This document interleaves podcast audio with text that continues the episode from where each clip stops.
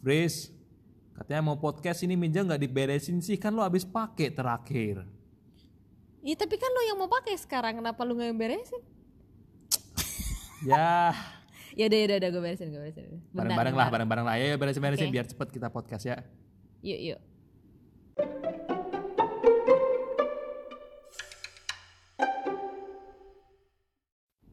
Hey guys, Wow, episode keempat men. welcome back to our podcast channel. Wow. Seperti biasa, ada Friza Mm-mm. dan ada gue Edward di sini. Hari ini nih, apa nih topiknya? Ya, topiknya rada yang rada santai lah ya. Kayaknya bisa banyak juga sih, bisa ngalor ngidul juga ceritanya. Seperti yang dijanjiin dari episode kemarin, episode kali ini kita mau cerita tentang Housemates from Hell. Jadi Jeng jeng. jeng jeng jeng jeng gitu. Jadi kayak tinggal sama orang itu ada banyak suka dan duka. Betul ya kan sekali. gue ada housemates yang kayak bener-bener kayak bikin gue happy banget betah yang kita bener-bener kayak in sync in harmony tapi juga ada yang sampai kayak bener ih Bukan insing lagi ya. Lebih kayak chaos man ya benar-benar. It's I mean tapi kalau housemate tuh you can never really get yang best of both worlds sih. Pasti ada pros and cons-nya. bener Tapi kalau pas emang udah dapet enak yang enak, yang enak but eventually you will have to see them go, true right? that's life eh tiba-tiba dalam nih Mm-mm. Kalau Anyway, ngomongin soal housemate, siapa duluan yang mau cerita? coba lo duluan please Oke, gue cerita em, yang hell dulu kali ya. yang hell dulu Oke, yang hell dulu nih eh, pertama kali ini agak traumatized to be honest karena pertama kali keluar dari rumah. I used to live in Singapore. So di rumah eh, asrama yang di Singapura ini sebenarnya kita ada kayak kamar-kamar gitu satu orang tuh berdua gitu ya sama student yang lain. So happen gue ini dapat em, teman serumah dari negara yang depannya I N N tapi bukan Indonesia. Ah ya. I, Terus? ne- I think I know which country is this. Yeah you know that country. Uh, dan mereka itu seringnya uh, masak ya masak yang masakannya tuh sangat-sangat uh, apa menyengat. Karena banyak pakai rempah-rempah banyak ya. rempah-rempah. Dan sebenarnya kita tuh ada common kitchen di bawah. Cuman kebetulan nyokap gue ini pas datang bawain gue portable stove yang cuman satu doang gitu. Dan dia tuh seenaknya pakai-pakai barang gue terus gue kayak man what the hell? Terus udah abis masak segala macam itu udah pakai panci gue panci gue kagak dicuci man itu paling jengkelin Iya sih kan? itu paling jengkelin. Dan dia tuh kayak I think she just broke up ya. Bukan sama cowoknya men tapi sama personal hygiene. Itu bener yang anduk anduknya dia basah. Gue nggak tahu kenapa anduknya tuh bener-bener it can really really smell. Dan so happen dia kutuan. oke lu- dan lu jangan kaget ya waktu itu pas dia kutuan tuh gue rada ada gatel men. Dan gue nggak ny gue nggak nyangka kalau gue kutuan ya. Dan Dari pas gue ngeliat iya dan gue ngeliat kuku gue itu ya kayak pucuk-pucuk yang putih-putih tuh kok ada item-item? Gue kaget sumpah. Terus kata nyokap gue hah jangan bilang kamu kutuan. Coba kamu lihat roommate kamu. Betapa kagetnya gue ternyata tembok samping kasurnya dia itu isinya kutu-kutu yang diambil dari kepalanya disemir ke, ke Jijik tembok. banget. Hmm. iya men like itu kayak is- itu kayak film alien yang lu masuk chamber isinya telur alien semua nggak Iya, sih? oh. itu gue inget banget nyokap gue datang ke Singapura buat peditox men. Peritox aduh udah lama banget gak denger Peritox Heeh, serius itu, itu buat biasanya buat anjing gak sih Peritox eh gila. Maksud lah enggak buat manusia juga bisa kali. Oh iya. Hmm.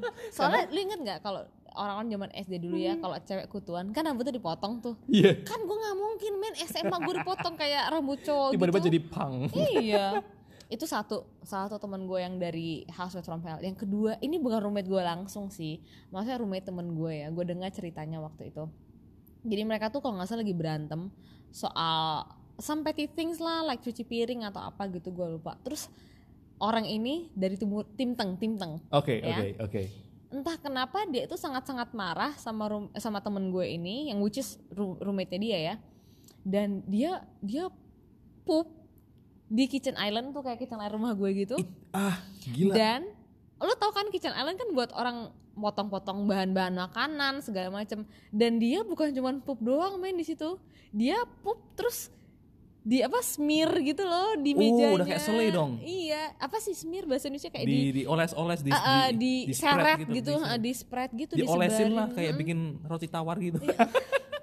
Ih, tapi Terus- gila. Iya, dan itu itu nggak sampai di situ, man. Itu Habis niatnya bayang gak sih? Amin lu harus niatin boker dulu kan. Dan setelah the whole thing, dia kirim fotonya. ini ini cringy abis. Dia kirim fotonya, dikirim ke housemate gue, eh dikirim ke housemate, dikirim ke temen gue yang housemate dia, dia anjir itu. itu karena cuma karena argumen. Iya, argumen kecil doang padahal. Gila sih. So, Tapi kayaknya Housemates from Hell ini karena lu banyak kan dari kuliah ya. ya, Kan kan masih kayak umur-umur labil masih. iya. Kayak di mana lo masih bergejolak secara emosi. Iya, I would say ya agak Tapi nggak sampai labil. gitu juga sih ya. Tapi ada batasnya lah. Kalau menurut gue, lo labil boleh, cuman Tapi Iya. kata temen gua nih ya, Mhm, apa? temen gua tinggal di apartemen itu, tuh katanya guardnya cerita, satpamnya, tuh ada kadang orang lempar tai diplastikin Lo kenapa ngomongnya tai sih? TAI BRK BRK dilempar di plastik dilempar Dilempar ke mana? dilempar keluar dari keluar jendela dia jadi jatuh ke bawah ke ground gitu Iyo. jadi itu katanya eh, di negaranya dan ini orang yang mau oh ini pasti orang dari negara PKSTN Oh ya? tetangga sama yang itulah tuh katanya di beberapa kotanya tuh kayak gitu mereka tuh kayak buang sampah tuh Dari jendela. jendela langsung dibuang gitu Iya, Gila ah, kan? maksudnya gini ya, kalau lo buang sampah misalnya kayak bungkus ciki gitu, ya mungkin gua maafin lah Tapi sekali dua berak, kali. cuy. Tapi- BRK tuh kayak gue gue diceritain Gila nggak gue percaya jijik, men. gue jadi nggak percaya Uh, maaf ya yang lain dengerin lagi makan ya semoga gak lagi harusnya makan. disclaimer dulu sorry sorry banget nih tapi nyambung cerita lo ya kan lu dari kan negara depannya IN tapi bukan Indonesia kan Heeh, betul. tadi eh, yang gue sebutin PKSTN terus nih ada lagi ini pengalaman gue langsung housemate gue dulu ini dari BGLDSH Oh, ini kita lama-lama pinter nih main ini. Apa kuis geografi nih. Terus terus. BGLDSH ini gue ada dua dua dia tinggal di dua kamar yang berbeda di satu rumah gue dan itu bener-bener nggak ada yang bener. Kenapa? yang satu yang satu tuh dia suka masak. Sebenarnya orangnya baik orangnya baik. Tapi jorok aja. Dia suka masak terus kalau dari eh, kayak negara-negara itu kan kalau mereka masak kayak lu bener gak pakai rempah-rempah banyak kan. Banyak banget Dan dan, menyengat banget. iya kalau masak nasi itu dia nasinya jadi kayak nasi kuning gitu loh. Mm-mm, dan lu kalau nasi di rice cooker kalau masak itu kan uapnya keluar. Mm-mm. Dan itu otomatis tembok-tembok sekitarnya lu kan tembok ubin kebetulan kan itu pasti ada kayak uap-uap nasi yang nempel gitu Nah, kan bener. itu bener yang sampai lu bisa ngeliat tuh tembok lu jadi berubah warna gitu loh kayak jadi kekuningan gitu dan lu bayangin kayak lem fox kuning itu yang lu kadang kalau kena tangan nempel lu kletekin kuning kuning gitu kan itu kayak gitu Fris itu yang gue inget banget tuh rumah gue baunya jadi beda Ya itu ngaruh banget sih Itu kalau ngaruh menurut banget. gue. Itu bener-bener ah Tapi lu sempet ini nggak kayak ngasih tau, eh lu bisa nggak tolong bersihin dong kalau abis ini habis masak. nah gue sadarnya itu mulai membentuk plak itu setelah dia mau udah mau keluar Oh, Oh, ini jadi- a little too late sih. Iya kayak oh iya iya iya gila nih orang tapi baunya kan tapi lu gimana mau bilang ke orangnya dong kayak eh jangan masak nasi dong makanan lo bau kayak enggak kasar gak? Iya sih, Ya kan lumayan. karena kalau misalnya kita masak apa tumis bawang putih apa itu kan pasti juga baunya nempel di rumah gitu kan kayak gitu. Cuman kan maksudnya ada itu loh, ada cara-cara yang paling enggak lo bisa lakuin gitu. Misalnya kayak kalau kalau kayak rice cooker gitu-gitu nggak usah share gitu. Kalau menurut gue sih ya. Enggak dia ada syukur syukur sendiri. Oh cuman kan uapnya ya Uapnya aja iya nempel kan negara kan eh negara apa rumah ya gitu. Cuma Hmm, ventilasi udah bagus. Ya yang kau cuma bisa lakuin ya pokoknya asal kamar gua nggak bau aja gitu kan. Tuh Tapi kayak- tuh ngaruh nggak sih? Soal kalau lo masuk rumah terus bau rumah tuh udah menyengat kan bikin nggak kayak enak. kayak nggak nyaman nggak enak gitu kan. kayak gitu. Makanya gue udah uh gitu. Terus yang satu lagi eh dari negara yang sama gue nggak tahu dulu itu bau apa. Sekarang gue tahu. Apa? itu dia tuh ternyata dulu tuh gue kira dia cuma ngerokok di kamar. Terus? Dan gue bilang jangan rokok di kamar. Gitu kan. Ternyata? Ternyata setelah lo makin tahu banyak hal itu bau dia smoke weed. Itu bau oh itu. setelah lo tahu Iya. baunya seperti apa akhirnya lu baru menyadari Kayak, ternyata oh, all jadi along all along itu dia tuh smoke weed. Gila tuh kalau digrebek rumah kena Lu gua dideportasi, juga men. gue juga kena dong meskipun kayak gitu.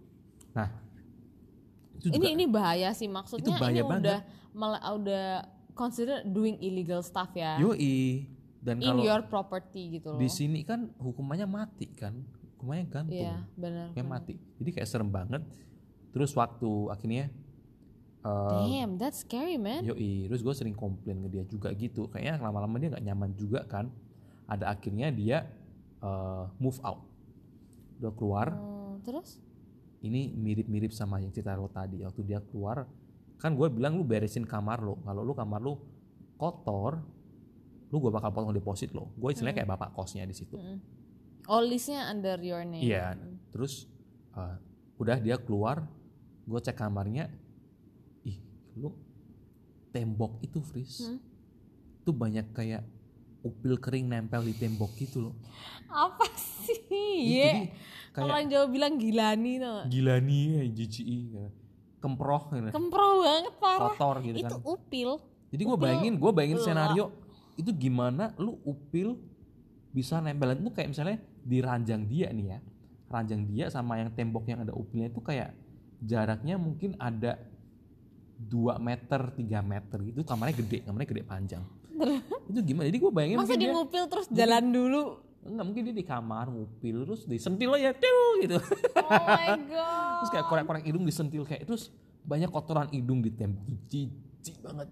Terus kalau ngopek ini lu yang ngopekin ya gue yang bersihin dong. Oh my god. Gue yang bersihin dong kan lu karena bersihin pakai apa ke penggaris? Hah?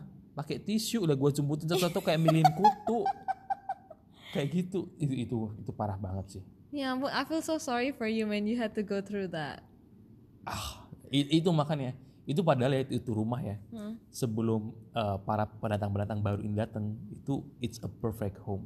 Really? Ya itu shout out to my ex housemate nah namanya gue panggil dia Kak Reka Hmm. sama satu lagi eh isi siapa namanya Hansen mereka berdua nih rumahnya bersih bikin bersih, rumahnya bersih santai, chill. Ada satu lagi uh, housemate housemate kita namanya Dani, cuma jarang di rumah lah dia. Hmm. Terus uh, itu enak tuh. Terus gua tuh sering harmoni lah uh, sama mereka itu kayak kalau gua pagi dulu gue sering bikin smoothies kan. Hmm. Terus gua sering bikin lebih gua kasih bagi ke si Kareka kayak gitu. Oh, that's really nice. Yoi. Ini nih salah satu poin poin lebih ya kalau punya housemate yang emang kompak banget. Iya, terus kita, kita weekend nggak apa ngapain Sabtu. Ih, nonton yuk. Yuk makan yuk gitu, spontan enak gitu Hmm. Iya, kan. iya, iya. Tapi abis itu mereka keluar, ih, itu housemate aneh-aneh aja ceritanya. Terus ada satu lagi Hmm? eh housemate ini dari sama dari Indo juga. Dia kerja, tapi dia nggak banyak omong. Dia orangnya yang introvert gitu. Dan dia kalau nggak seneng, kalau ada yang nggak seneng gitu, dia kayak banting-banting pintu, banting-banting barang gitu loh. Oh ini pasif agresif juga nih. pasif agresif Terus? jadi kayak kalau kamar dia tuh jendelanya deket ke dapur jadi sebenarnya kalau temen eh, temen gue satu lagi kalau lagi nyuci piring mungkin taruh di itu kan pasti banyak ada bunyi kelontang kelontang dok dok dok gitu kan Hmm, hmm. dia nggak seneng gitu kan dia bisa keluar kamar terus balik kamar lagi dibanding dar pintunya dia. Harus gitu banget ya. iya Harus make a grand entrance gitu Iya. about like how she show how she doesn't like it. iya terus kayak gue pernah tanya gitu "Ah, lu kira gue peramal gue bisa ngerti lo marah atau gimana lu kalau nggak ada suka apa apa lu bilang lu kasih tahu Ini jadi cewek kita bisa cowok? cowok Terus terus. kayak gitu ya usut punya usut eh, dia keluar karena gue juga yang bilang ke dia gue bilang ke dia lo mau pulang rumah tujuannya mau happy happy kan mau santai Hmm. dan lo tiap kali pulang rumah sekarang hidup lo juga nggak enak lo ngapain di sini lo mendingan kalau mau lo cari rumah baru deh gitu Hmm. gue balikin deposit lo semua gitu Wow, itu it's it's a pretty straightforward. lumayan daripada gue ya. stres gue tuh udah kayak itu boiling point udah sampai udah kayak uh bunuh banget bunuh bunuh Itu soalnya kalau housemate tuh kalau mereka emang annoying banget tuh bener-bener bisa bikin stres soalnya rumah itu kan is a sanctuary kan. Bener. Kamu pulang kerja capek segala macam pulang ke rumah tuh pengennya leye-leye, pengen Iya santai, you would be kan? able to do whatever you wanna do. Terus kalau misalnya ada yang bikin hal-hal yang gak asrek gini malah bikin kayak nggak enak aja gitu kalau lo nggak nyaman di rumah terus lo mau ke mana bener gitu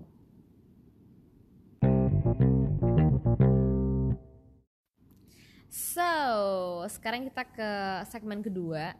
Aside from housemate from hell, kita juga ada housemate from heaven. Yoi, seperti Kak Reka yang barusan gua sebutin tadi. Gue juga ada nih kareka versi gue. Jadi kebetulan um, waktu gue tinggal di Leeds dulu, kita tinggal satu di student housing. Satu roommate gue namanya Jason. Satu kamar, eh satu kamar, satu rumah itu ada lima orang. Jadi satu orang Perancis, satu orang Romania. Terus gue, Jason, and one more from Serbia.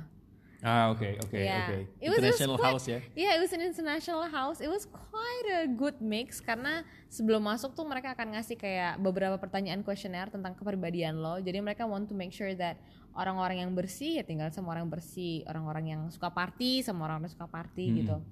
And emang kita synchronize banget berlima. Jason ini dia eh, apa namanya sa- sama-sama dari Indo dan emang kita emang sengaja mau tinggal bareng. Suatu ketika kita ini kan asramanya bukan yang paling mahal ya. Kalau yang paling mahal kan aksesnya paling deket sama Ah, kampus. oke, oke. Kalau akses rumah gue tuh dia agak di hutan dikit lah. Jadi kira-kira lo naik bus tuh mungkin sekitar 10-15 menit, nggak terlalu jauh, Ah, ah, cuman nggak di city center gitu ya. Belakangnya tuh emang hutan. Terus Kayak satu Twilight ketika wah, twilight banget lah. Ini bener-bener yang pohon cemara pohon cemara, I which is which can get a bit creepy, you know? Berarti kalau malam nggak sih? Iya, malam soalnya berarti emang pitch dark banget sih? Iya, iya. Dan itu dari jarak asrama ke another house itu jauh karena tengah-tengahnya ada woods itu. And actually it's really really Itu kayak film pretty. horor-horor gitu ya. It is. It used to be itu tuh dikasih tahu itu nama apartemennya itu Sugarwell Court dan itu kalau lo lihat di depan pintu masuknya itu emang ada tulisannya dan dia ngasih tahu kalau dulu itu mereka adalah pabrik apa gitu gue lupa Ih, makin serem gak sih? yang Nah, lo kan penakut. Iya, tapi so far I survive lah. Maksudnya nggak nggak serem itu. Kan kalau di luar gue mikir ya nggak serem lah, kan Iya, iya. bule kan, nggak kayak di- aja paling. Ah, exorcism doang. Terus anyway, Eh, coy doang, amit-amit. oh iya, Iya. Touch wood, Touch wood. touch wood. terus um, sampai di mana tadi? Oh ya, terus Jason ini uh, ini kan karena Nasrani ya, jadi kita nyari uh, gereja yang pas. Kebetulan waktu di Inggris itu, I did went to a few different church. Rame-rame nih sama teman-teman Ah, oke. gue. Waktu itu kita pernah datang ke one of the Christmas midnight mass, itu bagus banget. Cuman kalau di Inggris kan dia gerejanya Anglican, jadi enggak a Ah. little bit gothic, a little bit It's Kusuk very nggak? Terasa inter- kusuk kusuk banget karena mereka nggak pakai lampu blas, mereka cuman pakai lilin doang. Oh iya, iya kalau malam. Ini Kalau- kayaknya pasca sih, Natal gitu juga. Eh, eh, dia lampunya quite minimal lah gitu. Hmm. Dan yang a bit eye opening adalah waktu itu eh, diajakin pergi ke yang gereja yang di city center. Ha-ha. Ini gerejanya Sister Ekman. I will follow you. I will follow you. Follow you wherever you, You may may go. Bener-bener. Jadi lo inget kan siapa tuh namanya Eh, Whoopi Gold- Goldberg, right? Eh siapa sih itu namanya? Google dulu, Google, Google dulu. Kalau nggak salah namanya Whoopi Goldberg deh. Sister Act ya. yang yang main Sister Act. Jadi di Sister Act itu kan uh, kalau di UK banyak orang keturunan Afrika yang pindah ke UK ya dan mereka punya gerejanya mereka masing-masing. Nah gerejanya orang uh, orang gue hampir ngomong salah cuy. Gerejanya orang Afrika ini itu seru banget. Ya si Whoopi Nah, Goldberg, ya. Whoopi Goldberg. So gerejanya tuh beda banget. Mereka tuh bener-bener yang wah, yang nyanyi tuh bisa yang heboh banget Praise gitu. Lord. Iya.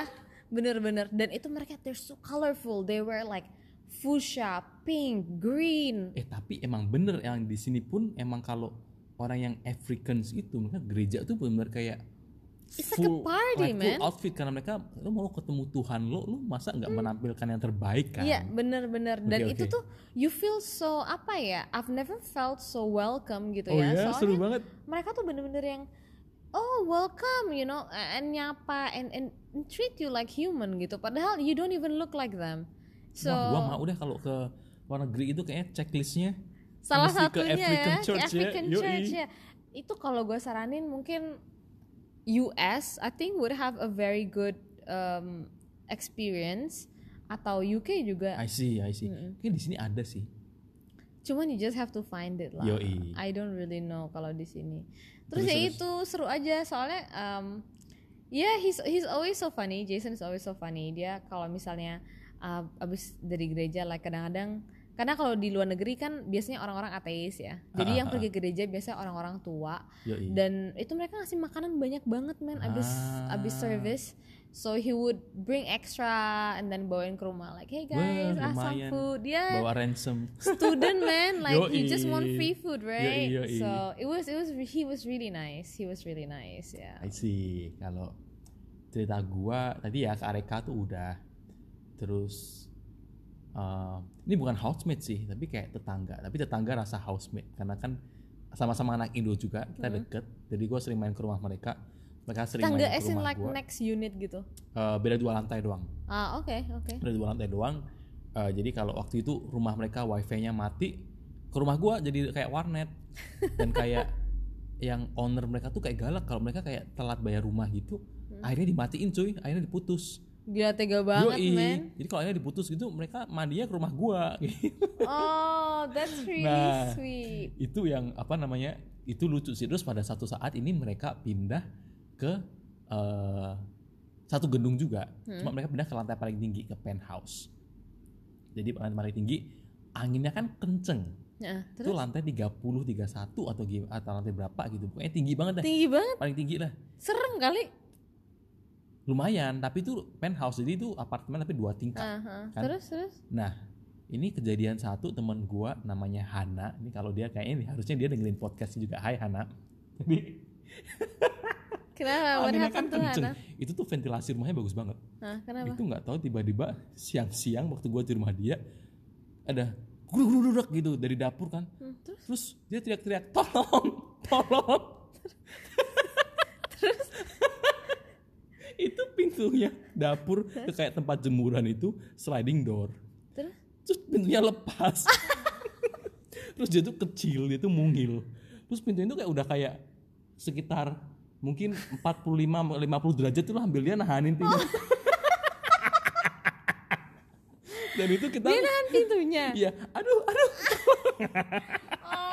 Oh for her. Dan itu kita kayak dateng tapi nggak langsung bantuin ketawa dulu iya soalnya I mean when else right Yoi. kapan lagi lo Dan ngeliat itu kan mereka rumah itu eh, rumah full of cewek hmm. Jadi sebenarnya kalau mereka tuh ada apa-apa yang kayak minta ganti lampu, minta apa dikit tuh minta tolongnya gua. oh Yoi. you're the handyman Yoi, itu pernah kayak mereka dari lantai dua mau ke lantai satu mau mindahin bed frame. oke Bed frame-nya bed frame single. Ah, Tangganya itu letter L. kayak gimana letter L Letter L itu kayak yang lu turun, tangganya turun, terus kayak turunnya lagi tuh kayak lu belok bawah gini loh. oh yang oke Kok oke kok oke letter L kayak U-turn gitu tangganya itu turun bawah. Itu nggak tahu ceritanya gimana tuh cewek-cewek ya. Tiba-tiba telepon gua, "Mil, tolong dong." Eh, oh ya gua kalau sama teman mereka manggilnya Emil. Hmm, terus Mil, tolong dong ke sini. Kenapa? Datang aja dulu gitu. Gua datang. Tahu nggak sih? Itu tangga eh di tangga bed frame single tuh stuck. Jadi mereka tuh waktu mau belok waktu mau belok tuh beloknya nggak tahu gimana tuh itu bed frame tuh stuck di tangga di di pegangan tangga gitu nyangkut. nggak bisa belok nggak bisa apa cuy. Terus mereka bingung nggak nggak gue nonton gue liatnya ngakak dong kayak ini bocah-bocah anjir ini. Ngingetin gue sama itu tau gak sih Ros? Ngangkat sofa. Yo itu kayak terus terus itu padahal gampang dan gue di sana oke yuk angkat yang di ujung angkat yang di sini jangan dimiringin udah turun jadi selesai tapi ah itu konyol banget itu bocah-bocah itu konyol itu bener-bener banget. nggak nggak kepikir gimana I mean before they they called you they couldn't figure it enggak tuh mereka udah kayaknya stuck kayak udah berapa beberapa menit beberapa lama gitu sampai akhirnya kayak mereka udah nggak tahu apa lagi mereka panggil gua Wah, itu gila geblek men. banget geblek banget apalagi lo ada lagi nggak cita-cita housemate Eh, ini bukan housemate gue sih, tapi uh, one of my good friend. Jadi dia orang Perancis, terus dia tinggal di Malaysia. Uh, dia tuh tinggal di salah satu kondominium dekat KLCC, you know, mahal, Ah, punya yoi. lah pokoknya. Dan ini kejadiannya ada freak sih. Jadi waktu itu dia lagi pulang dari airport, hmm jemput bonyoknya kan. Kebetulan bonyoknya lagi mau liburan di Malaysia selama a week or two gitu. ah oke Terus pas dia buka pintu rumahnya, dia tinggal di lantai yang mungkin 20-an lebih lah, gue lupa, lumayan tinggi Iya, iya. pokoknya.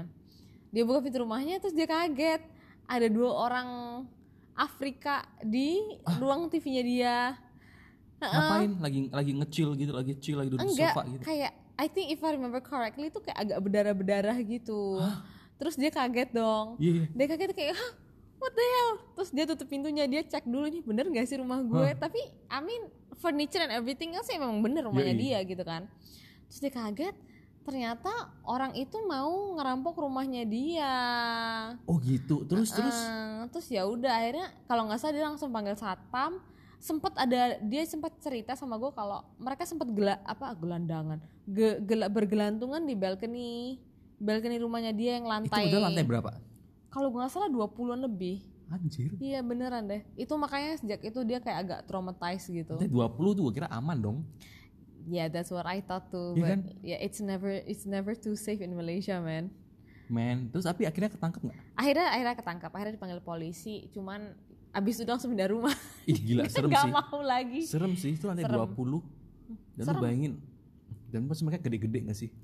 ya ya gede-gede dan lu nggak tahu kan maksudnya I mean you know you never know kan this kind of thing so kalau menurut gue sih tips yang yang mungkin bisa kita share adalah kalau misalnya mau cari rumah apalagi kalau yang perempuan itu selalu mikirin safety first. Hmm, iya ada apa enggak satpamnya? Terus ma- akses masuk itu seperti apa gitu? Apakah harus pakai access card? Apakah itu gampang untuk orang tuh tailgate masuk bareng bareng sama kita Padahal gitu. temen lo itu apartemennya harusnya udah di city center itu harusnya udah security-nya Sudah. lumayan tinggi ya. sebenarnya nggak juga kalau apartemen city center nih zaman sekarang kan banyak Airbnb Oh. Jadi, iya iya iya. apparently dia punya apartemen itu notoriously famous emang disewain buat Airbnb Ada banyak bangunan apartemen sekarang kayak dia ngelarang Airbnb kan. Hmm, Karena itulah salah satunya karena ini ya. salah satunya karena jadi merasa nggak nggak terlalu aman kan Iya iya iya. iya. Tuh. Terus kalau soal housemate yang baik nih, Iya. Jadi gue inget pertama kali gue pindah ke Singapura tuh gue kangen banget sama rumah. Nggak pernah jauh dari Ah, ah, nyokap ah, ah, kan. Terus tiba-tiba, Itu waktu lo nyokap lo masih di Batam. ah, ah, nyokap gue masih di Batam. Terus eh, gue nangis nih, tapi gengsi dong gue kan, Iya, iya, iya, nangis. Jadi gue pakai hoodie, terus tidurnya ngadep tembok, ah, emo kids banget. Terus gue nangis, gue kayak yang Aduh, gitu-gitu kasihan kan. banget. Terus ini roommate gue dari dari China, dari Ah. mainland China ya. Namanya Xiaomi. Terus dia tuh tiba-tiba ngomong gini, "Hey, are you okay?" Dia bilang gitu. Di Meisho pa. oh enggak ngomongnya Inggris ya. Dia ngomongnya Inggris. Chinese. gue kaget lu kan lu ngomong apaan? terus gue nggak tahan men, gue cuma nangis gitu doang. Um, terus dia he, she actually give me a hug. Oh. Oh ya udah, I mean I get it that you miss your home. Dia ngajakin gua keluar, uh, you know have some fresh air. Dia ngajakin gua ngomong, and then I felt so much better after that. So I called my mom the next day.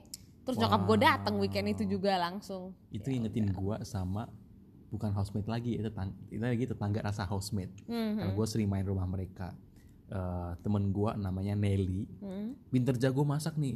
Terus? Terus ini saat gua lagi sakit, sakit lu namanya sakit kan kalau terus makannya pasti kan maunya yang kayak yang bubur atau sup gitu kan. Anget-anget. Tuh eh, oke apartemen dia kita satu apartemen cuma dia beda tower. Hmm. Tuh dia masukin gua bubur dan tuh buburnya enak banget. Gua inget banget. Lah Tuh ya? bubur terus dia kayak masakinnya kayak lu kayak bubur di Chinese restaurant tau gak sih? Kayak Bubur buburnya nasi nasi, sama telur itu. terus kayak ada terpisah dagingnya, daging babi, babi kecap atau apa gitu loh. Heeh. Jadi dia tuh masakin itu gue inget banget tuh kayak dia cerita ini kuahnya tuh dimasak pakai tulang babi. Heeh. Jadi itu waktu gua zaman-zaman gua sakit. Jadi lu kayak bener kayak Wow, Wow, so gitu. nice. kayak gitu. Baik banget, Yoi. baik banget. Really go above Itu- and beyond ya. Iya sih, itu meskipun kayak housemate housemate gua waktu di situ kayak gak ada yang bener, cuma eh, Nelly dan housemate yang lainnya, Monita sama Silva, eh, they make me feel like home karena karena itu kita sering main belajar bareng kayak gitu. Oh, That's really gitu. really nice. That's Terus lu really kalau dulu nice. kalau waktu zaman-zaman tinggal di asrama, nggak tahu ya asrama atau apartemen lu sering Hmm. kayak gathering gitu gak sih, kumpul-kumpul sama temen gitu gak sih? Um, yes and no. Soalnya waktu gue sekolah itu gue cuma dua kali tinggal di student house. Di student house tuh like I think it's a little bit different. Soalnya kan memang rata-rata semua student dan itu ada kayak basketball court dan ada Hmm. Right. curfew-nya ya Student maksudnya. house ini kayak asrama gitu berarti. Iya, tapi kita nggak nggak satu sekolah. Jadi itu cuman oh cuma kos-kosan ya tapi Oke. emang buat uh, anak-anak SMA sama Alright, kuliahan oke, doang oke. gitu. Jadi dulu tuh ya kita kan nakal banget karena uh, ada ruang TV nih dan Mm-mm. ruang TV-nya kan nggak ada TV kabel. Kita selalu pengen you know nonton yang serial gitu Iya, iya, segala iya. macem. Terus kita suka hijack TV-nya. Kalau satpamnya udah agak-agak ngantuk, kita masuk ke ruangannya. Terus uh, pintu itu, pintu gerbangnya itu kan kalau misalnya jam 10 atau jam 11 gitu, itu kan langsung kekunci Ah, otomatis oke oke like we will find ways gimana cara supaya kita bisa sneak out you know? Oh. Jadi itu kalau udah mau jam 10 tapi gimana sneak outnya kayak? Iya ada caranya. Jadi manjat maksudnya kan atau gimana? 10.59 nih udah 10.59 itu uh, magnet pintu yang di atas Oh, itu oke. kita tutupin pakai tas kresek oh. Jadi kayak diganjel. Oh, ada aja lah pokoknya caranya. Cuma kalau gathering gitu uh, lumayan sering karena ada beberapa uh, anak Indo di situ tuh ada beberapa anak Thailand juga like where we happen to be quite close to oke them oke So ada lah beberapa sekali-sekali. Pernah juga gue sakit waktu itu diare nonstop men. Itu temen gue yang orang Indo langsung pergi kayak ke apotek 24 jam gitu beliin apa sih Chinese pill yang kecil-kecil itu. oh eh iya gue tahu tahu Iya, you know that thing yang satu gue panggilnya pil silinder cicak ini, itu iya, kan, iya, kayak iya. telur cicak Iya, itu kayak kan. telur cicak kan Itu gue sakit like gue tuh bener-bener lemes. Gue kira like I could literally die. apa namanya ya ada lah itu andalan nenek gue juga iya itu lo minum itu langsung kelar Iya. men. Amin kelar, I said like sembuh ya. sembuh sembuh tuh Hmm. pil ajaib itu Iya, terus Iya. mereka benar-benar langsung lari ke apotek. Uh, they came back and say like, Fris udah Fris minum ini sekarang gitu. ini bukan bukan si Jason nih Bukan, bukan. Ini Bukan. yang waktu gue zaman dulu gue di Singapura dan oh. mereka semua udah punya keluarga semua. oh jadi ya it's like, man how time uh, flies ya yeah, yeah, how time flies and we realized that um, you know like they were very very helpful to each other. Terus mereka kan ngerokok. Kalau Hmm. gue pulang Batam, uh, biasanya gue bawa rokok and then I'll sell it to Oh. them. lu jual kirain kirain lokasi Soalnya mereka banyak budi. men Mereka demandnya banyak. Kadang-kadang tuh minta misalnya Very specific misalnya Eh Fris bawain dong Indomie kaldu ayam. Satu Oh, iya, mintanya iya. soto Satu mintanya apa kari ayam lah Rokok mintanya gudang garam lah Segala macem dari gitu situ Jadi apa beda-beda. jiwa-jiwa just tip mulai keluar ya? Justice Justice tuh udah dari dini yo gitu loh. Terus sekarang dikomersilin aja. Di kanan dikomersilin gitu. Tapi kan api oh ya karena jam 11 itu berarti curfew-nya batas malam jam 11 ya? Mm-mm. kalau gua dulu kita kan kalau apalagi kalau di anak antara anak-anak Indo nih kan kita sering banget ngumpul terus rame-rame. Kalau lu namanya anak Indo itu kan pasti ribut banget kan. Hmm. iya biasanya suka kalau nyanyi. Nyanyi terus Hmm. kalau main game terus kayak gebrak-gebrakan terus kayak gebrok lantai. Dan kalau apartemen itu kan kalau lu gebrok-gebrok lantai kan tetangga bawah lu denger kan. Iya iya benar-benar.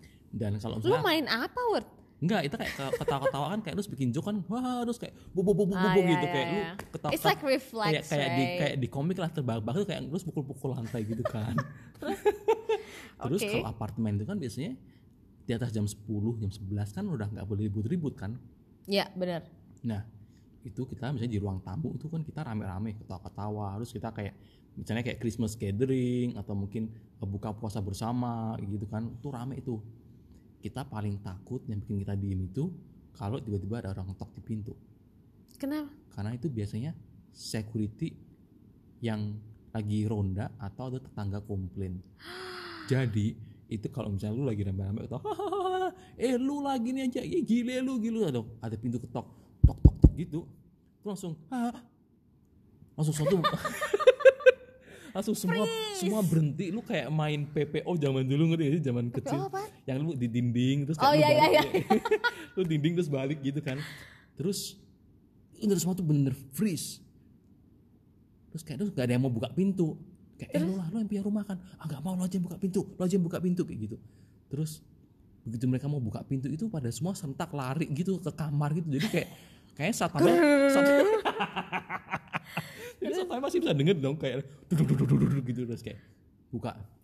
Eh, ya maaf deh ya ini eh, tadi ada tetangga komplain katanya eh, jangan ribut-ribut gitu Oh, oh iya iya nih. iya iya iya kita ya, ya, gitu ya selalu gitu tapi habis itu ya udah baik lagi ribut lagi? ribut lagi kayak gitu Oh, ini sih kalau gue kalau soal ribut-ribut tangga gathering ini I think it happens everywhere. Ah. Cuman kalau yang pas gue di student house pas gue kuliah itu karena memang udah gede lah ya. I mean Ah. like above 18 and 21. Jadi emang you can drink, you can party whatever. Tapi man seriously kadang-kadang ya this you know orang-orang Inggris nih bener-bener bisa party ya. lu bayangin ya winter itu jam 4, jam 5 gitu tuh mereka masih yang wah Itu dingin-dinginnya gak sih? Iya, dan itu bener-bener yang oh my god, seriously guys, like it's so kan alkohol bikin early. anget. Iya, well, Ya well, yeah, kan? that's true, that's true. Terus makanya gue dulu gue penasaran buat gue bilang ini, ini orang-orang ini kok pergi malam kok nggak dingin ya? And then when we start partying, then I understand like how could they actually queue without any single coat, you know, like. Dan iyalah lu minum kalau misalnya ambil shot aja kan badan lu anget langsung Iya, ya iya kan? benar-benar. Tapi kalau yang kocak tuh kalau lu dugem di di Belanda, apalagi di Groningen dulu ya, kan taksi tuh mahal banget, men. Oh iya. Mungkin jaraknya itu cuma 3-4 kilo, tapi bayarnya tuh mungkin 20 euro. 20 euro itu sekitar berarti 60 ringgit, eh, enggak 80 ringgit. 80 ringgit di sana 250 250 ribu, ribu. rupiah ya. Wih, Itu cuman buat like for a 10 to 15 minutes, right? Itu berarti sekitar 2 kilo 3 kiloan ya. Dua Dan kilo. akhirnya kita harus naik sepeda kan kalau if you wanna go for a mabok party. naik sepeda. Iya beneran. Dan oke the craziest part is jadi kalau misalnya kita na- nitipin apa coat ya apa kok jas jas dingin mantel, itu mantel, mantel, jaket. itu kan harus bayar nih 2 Ha-ha. euro. Sedangkan itu kalau lo mau bar hop nggak mungkin dong lo ambil and then next door Iya, iya, lo iya, kasih bener, lagi. bener, bener. Triknya adalah lo nyampe di salah satu tempat bar terus itu kan satu satu street itu isinya bar semua Iya, kan iya, iya. kamu taruh di situ mantelnya and then when you do your bar hopping lo nggak usah pakai jaket jadi Oke, orang tuh oke. yang go, lari-lari okay, let's go to Ya, sambil nutupin sambil nutupin lengannya oh Oke. my god so cold habis itu bayangin dong lo tipsy tipsy and then you have to Mesti cycle ngambil back mesti ngambil jaketnya balik Iya. lagi nggak sih? ngambil jaketnya lagi and then lu mesti naik sepeda balik dan itulah kenapa setiap tahun uh, pemerintah Belanda itu selalu membersihkan kanal-kanal. Karena itu sih banyak banget sepeda-sepeda. Karena lo Iya. mabuk sebenarnya jatuh ke kali gitu. iya banyak banget orang jatuh. Jadi cause you're drunk right? And then lo kan nggak bisa naik sepeda. Lo jatuh sama sepedanya. Cuman ketika lo naik kan lo naik naik badan lo doang nggak mungkin lo Iya. bela-belain nyari Iya dong, iya sepeda lo dong. yang tenggelam kan dan itu banyak banget ribuan sepeda Oh. diambil tiap tahun Iya kan tenggelam masih ya kan sepeda. Iya, don't drink and bike ya guys. don't drink and ya Kalau di sini don't drink and drive, di sana don't drink and bike. Mm-mm. Siapa karena it's very cerita ya? dangerous Siapa yang cerita ya? Lo atau si Christian yang apa lo kalau di sana tuh orang ke airport Mm-mm.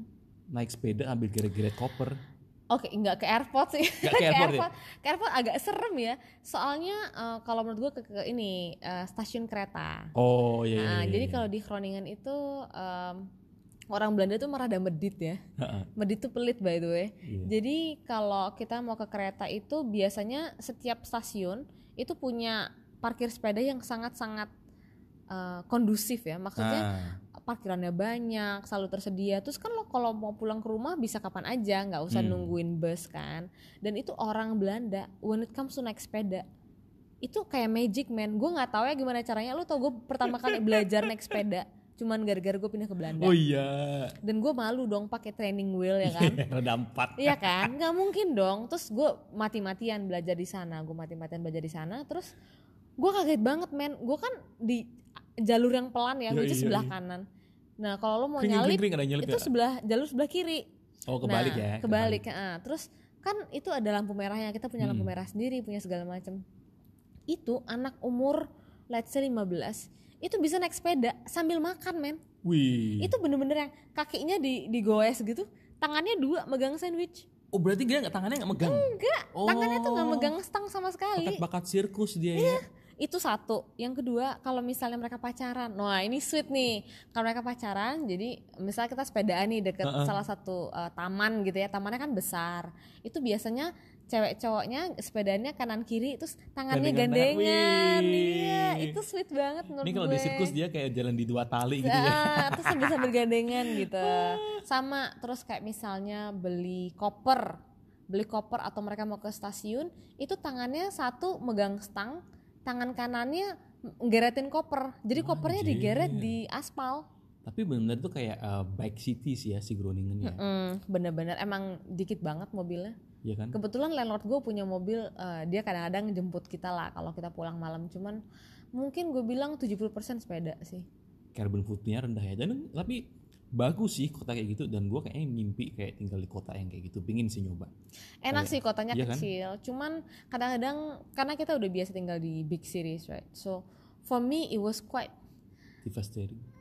agak Bosen lah. bosen karena there's not many things to do Ah. like terus ke Amsterdam jauh kan like lebih dari dua jam naik Oh iya kereta iya. iya. so it's a bit unless kalau misalnya lu tinggal di The Hague atau Rotterdam yang Hmm. which is kota juga and then kalau mau ke Amsterdam tuh mungkin cuma sejam itu lumayan lah Utrecht tuh juga it's a good choice it's a Hmm. small small city tapi lu tiap hari misal lu kerja di Amsterdam juga bisa naik kereta tiap hari gitu. Ah. Lu ngomong soal naik sepeda nih. Ih lu tau nggak anak-anak bayi di Belanda. Misalnya lu punya anak eh, dua gitu ya umur 3 sama umur 5 sekolah. Itu tuh kalau bule ya, bule Amerika nih misalnya, kan pasti oh ada seat beltnya, ada itu. Kalau orang Belanda kagak, ditaruh di gerobak gitu doang, Ah, terus iya. langsung digoes. Jadi sebenarnya kayak orang Indo dengan kearifan Eropa ya. Iya betul sekali Iya kan? orang Indo dengan kearifan Eropa dan makanya baknya itu di di Belanda emang namanya bahasa Belanda itu bak ya. Ah. mereka nyewa baknya itu buat orang-orang yang ada keluarga gitu jadi misalnya Oh. anak-anak antar jemput deh oh anak tetangganya nih sekalian ya anterin eh, kerja Oh gitu, sekolah lucu banget. masukin anak-anak semua tuh dalam bak terus tinggal di sepeda Tapi itu kebetulan di Groningen tuh emang kotanya kota kecil ya. kota kecil Kalau di Amsterdamnya enggak dong. kalau di Amsterdam masih sepedaan cuman eh, karena public transportnya bagus mereka ada tram ada subway ah, ah. kalau di Groningen kan mohon maaf nih cuma ada bus doang dan Ah, ah, lu ah, tahu ah. bus harganya berapa Mahal itu juga. sekali naik itu sudah 2 euro Oh. dan itu Itu 2 euro 25.000. Mm-mm, dan itu 2 euro itu bukan per stasiun ya tapi per sejam kalau misalnya lo mau naik Oh, berkali-kali oke. dalam satu jam tuh hitungnya bayar 2 euro mungkin sekarang udah naik ya gue Udah nggak naik tahu lah pastilah. cuman hitungannya 2 euro tuh mahal loh lo Lumayan. tambah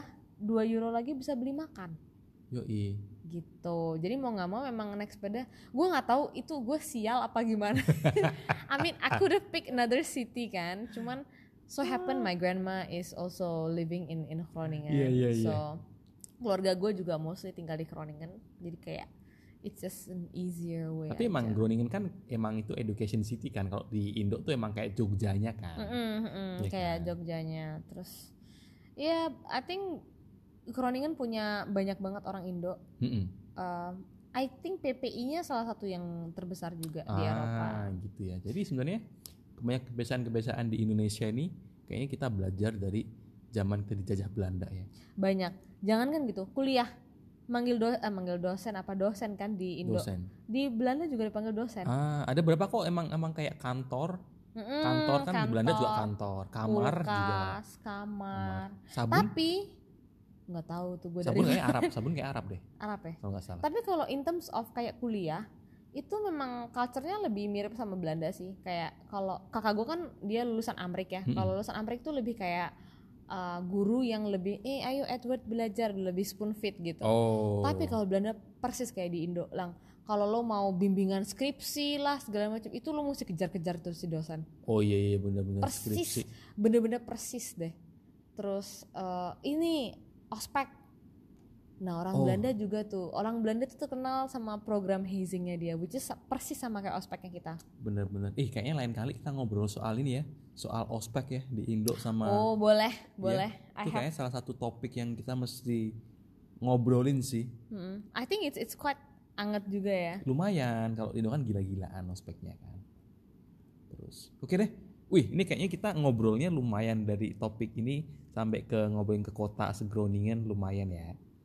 So hopefully you guys um, are entertained dan ada yang bisa dipetik dari podcast kita kali ini. Ya, itu kayaknya ya kayaknya intinya sesuai dengan judul kita Housemate from Hell. Kalau lu tinggal sama orang ya cobalah lebih bersolidaritas ya kan lebih Toleransinya iya, diiniin. lebih bertanggung jawab oh bertanggung jawab ya sih kan itu paling ya. penting kalau ya bersih bersih gitu kan itu kan namanya fasilitas di rumah kan fasilitas umum Bersama. ya kan Pokoknya jangan jadi housemate from hell. jangan jangan kalau di Indo kan tapi biasanya di Indo tuh kebanyakan kos kosan ya Iya. kos kosan udah ada mbaknya udah ada itu Eh tapi jangan salah, kos-kosan banyak dramanya. drama drama ibu kos ya Drama-drama ibu kos. ya tapi nggak sih rame juga di Indo yang teman-teman eh, gua tahu sepupu gua dulu dia kuliah juga dia kontrak rumah rame-rame itu juga ada ya just don't be a housemate from hell aja sih Hmm, I agree, I agree. kayak gitu udah oke Oke deh guys, Thank we'll see you. you next time. Thank you so much for listening. ya jangan lupa eh, ikutin Instagram kita at freakout underscore podcast. Awesome. Okay, Stay alright. tuned for the next episode. Okay, see you next time, guys. See you.